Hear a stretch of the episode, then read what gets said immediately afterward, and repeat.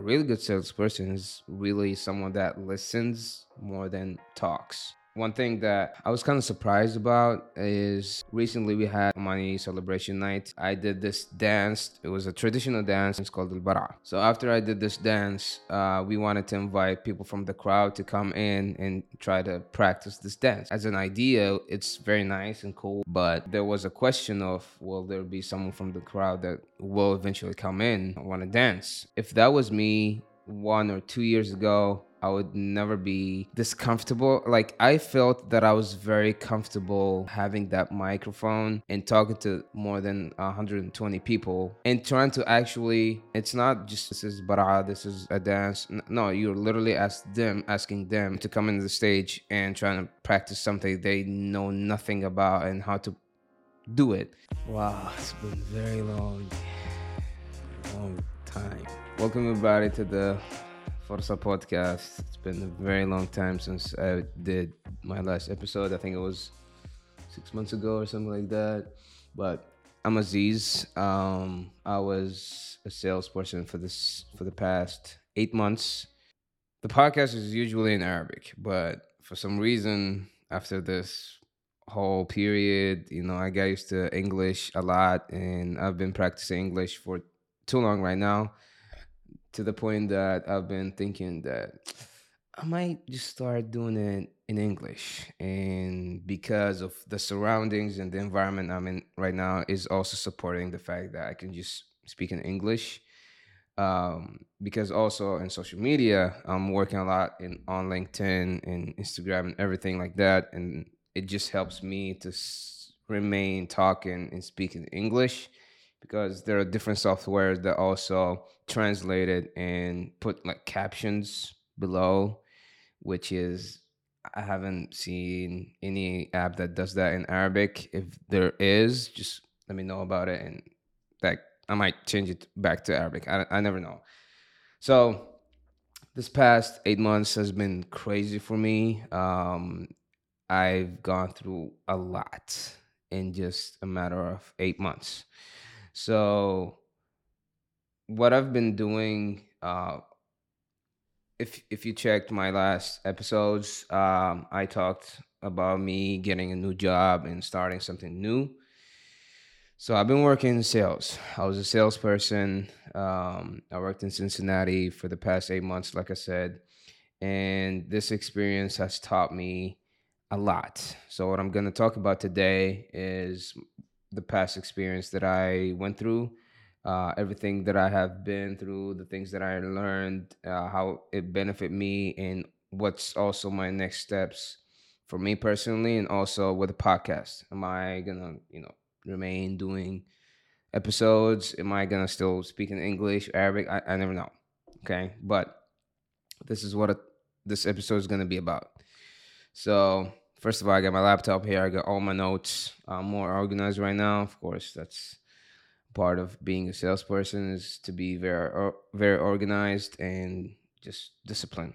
That's something that I learned a lot. So I'm gonna share everything that you know. It's it, this episode is, is basically gonna be a summary of what I did, how I did it, how it's been for me, um, what I learned, and what are the main things that I got from it and also the next steps. Okay. Just to stay organized and just some expectations.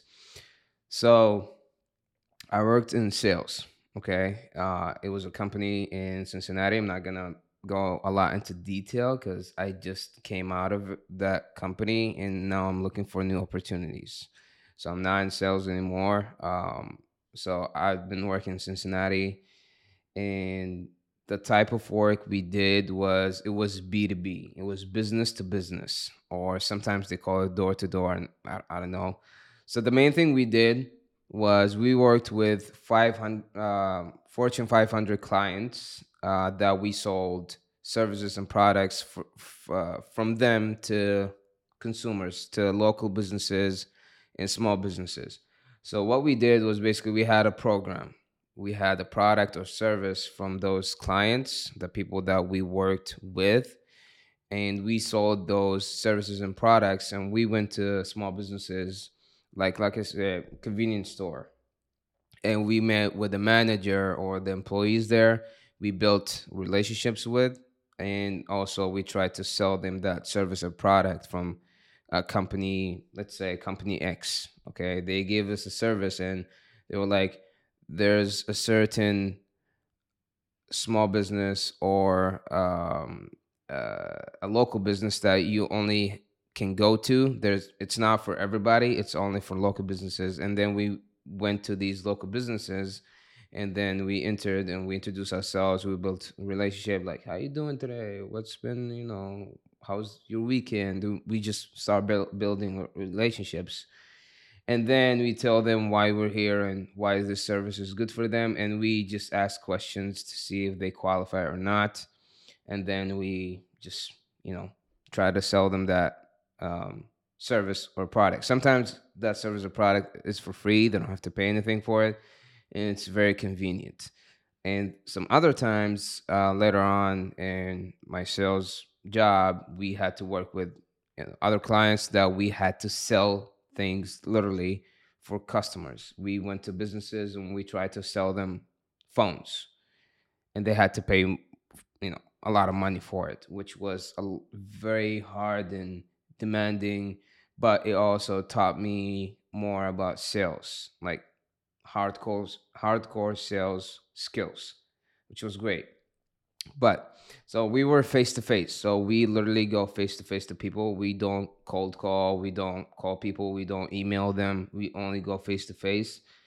And um, that was very, I think, beneficial to building my interpersonal skills, communication skills, how to persuade people, how to listen to them. So we had different teams uh, in our office that each some teams had different programs, some teams had the same programs, but um, I think the face to face aspect it li- really taught me a lot about the foundation and the essence of selling, like really real skills of selling. Like like you see the people when you go to a mall and they try to be like, "Hey, can you try this perfume?" And the, it it you, you can tell the difference between a good salesperson and a bad salesperson is and that what they taught us is how to be a good salesperson. One of the things that I really learned about sales or about a real good salesperson is that a really good salesperson is really someone that listens more than talks. If you find someone that's trying to sell something and he's talking at you, then he's not really a good salesperson. If you find yourself talking to that salesperson more than he's talking to you, then you know that's a good salesperson. Why? Because he had the skills and the ability of making you tell them their your experience, and that's something that was a very good lesson for me. Is try to introduce yourself uh, give a, brief background of what why you're there and then after that just keep asking questions and just start listening. Never talk. Talking over people is gonna get you out of the sales uh, out of the sale and not listen to people is not never a good thing for a salesperson. Um, so that's one of the things that also taught me a lot. I, i've never been this disciplined in my life that's something this job has taught me a lot. Um, so one other thing that I was also contributing other than the sales was recruiting. So it was interviewing other people uh, or other candidates to come to our office and start working for us. So I worked with uh, my uh, HR manager, and she taught me a lot about interviewing, about how to prepare for an interview, how to talk to people, what questions to ask, what questions not to ask and how to word certain words. So that was something that I think will pay uh, a very good price in the future for me because um, I graduated with an entrepreneurship degree, and that's something that I'm willing to pursue in the future. Is I want to start my own practice, my own business one day so I think all of these aspects, the sales, the recruiting, and also one other thing that they taught us was how to run meetings and public speaking, how to present yourself, how to present your ideas, how to talk to people in different from different backgrounds and different um, views and how to persuade them about your ideas. So that's something they also taught us very well. And one thing that I was I was kind of surprised about is recently we had our Omani Omani night, Omani celebration night, and I did this dance. It was a traditional dance. It was from my own region. It's called Al Bara. So after I did this dance, uh, we wanted to invite people from the crowd to come in and try to practice this dance, which was very, you know, as an idea, it's very nice and cool and sounds wonderful. But they there was a question of will there be someone from the crowd that will eventually come in and you know want to dance? Will you know some people will feel intimidated? People, you know, and I was like, why not? You know, it really depends on how you word stuff and how you try to persuade them to come in. In that mindset, I actually I learned that from this position. Why? Because I already know that I that I already have the skill and the ability to persuade people to come in because that's something that also they taught us from running the meeting, from the public speaking. So I'm gonna show you um, a clip uh, of if if you're not watching, you can just listen. But it's a clip of me in stage trying to persuade you know the crowd to come in to the stage and practice the bara. So the main thing that I was surprised about in this uh, moment was if that was me one or two years ago, I would never be this comfortable. Like I felt that I was very comfortable having that microphone and talking to uh, I think it was almost more than 120 people of the crowd and trying to actually ask them it's not just you presenting an idea or just or just coming in and be like hey i'm this this this is bara this is a dance no you're literally ask them asking them it's it's just an extra step you're doing you're asking them to come into the stage and trying to practice something they know nothing about and how to do it. But I found myself be very comfortable with coming and be like, yeah, hey, you, you saw the clip. Everything that I said, I was like, wow, I'm really comfortable talking to people and asking them to come in. And then actually, we had a very good time that is something that I think this experience has taught me a lot is first of all the ability to be like, yeah, just fuck it. Let's do it, you know? And if if no one came in, I'll be like just, you know, just looking at people and trying to call call call the, their names. But I didn't get, get to, to that point. Why? Because I had the skill that I learned, like I said, from this experience. But one thing that I learned was the ability to do and start doing actions more than thoughts. And one thing that I realized about myself was there there were some times where I just got really into my head.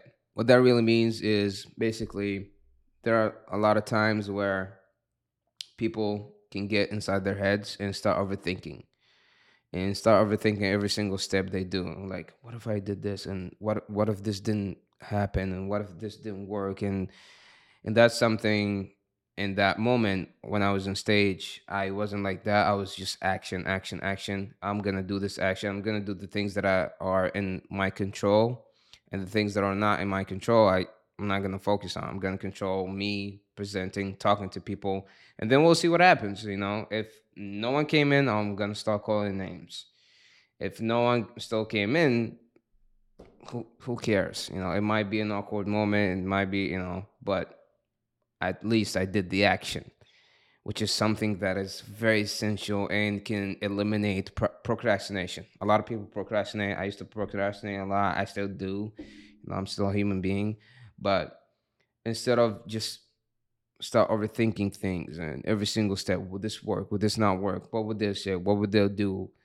It's just to like stop and just do the action.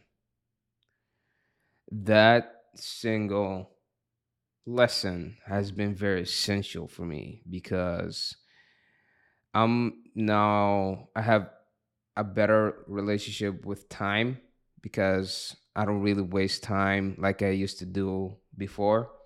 Because before it was like, you know, I'm just procrastinating. I'm I'm I'm overthinking stuff. I'm not really doing action, which doesn't feel like I'm being being productive. But now it's more about just doing action, less thinking and less planning and more actions, more actions, more actions. And then I can be more comfortable with me with with with time because I'm not wasting time in the the first place. So yeah, I think um those are the, some of the main things that I learned a lot and I, I think the main most important thing that I really learned from this experience and what my leader leaders have taught me in this experience was the mindset piece.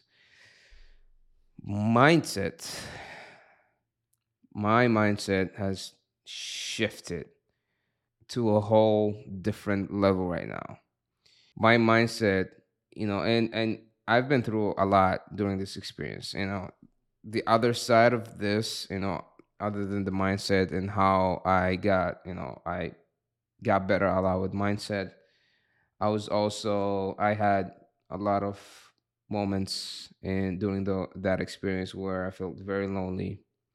I eh, I had the lowest time in my life during that time. It was very hard. It was I every single day. Sometimes I felt very anxious. Very you know I was worried about tomorrow and will things work and will I be able to sell because our job was performance based. It was commission based there's no base salary. So it all depended on me selling in order to me to get money, for me to get paid. So that idea and that concept gave me a lot of anxiety. But I think the people that I worked with, my leaders, my coworkers, my friends, my roommates, they're actually my roommates. Um, they helped me a lot and I'll I'll share with you every everything that happened and all the weird things, the strange things that happened, and it's been very strange, but it was also very unique, and also it was very hard. So I'm gonna share all of those stories and all of those experiences. I, I just wish uh, you, you guys can support this podcast again and for me to come back and make content and to talk about my experience, I I really miss this. You know, it's it's something that I tried to make it work during that time when I was in that job, but it it it, it just couldn't happen because of time, because of work, because of priorities. But thank you all for listening. Um, I'm looking forward for the next episodes and the next experiences that I'm gonna talk about and hopefully it's going to be I'm I'm pretty sure it's going to be very beneficial and helpful for a lot of people that are coming outside of college going into uh, their career professional life but also for the people that are studying abroad and are thinking of doing OPT um, or sponsorship and start working in that uh, country they're studying in which is great. I really recommend doing that because you really have no risks. I would say the risk is very minimal. It's gonna be only you. If you're not paying for someone else or anything like that, it's only you. Everything, every single thing that will happen, or every something wrong that will happen is only gonna happen to you. You're not gonna be responsible for anyone else other than yourself thank you for listening. I'm really looking forward for the next episodes that we're gonna do, and there's gonna be a lot of content, a lot of experiences, and I hope uh, to really benefit you and for you to start, you know, engaging in everything. Don't forget to like, share this episode, and subscribe. You know, because we're coming back, baby. عزيز الفضة فرصة سعيدة.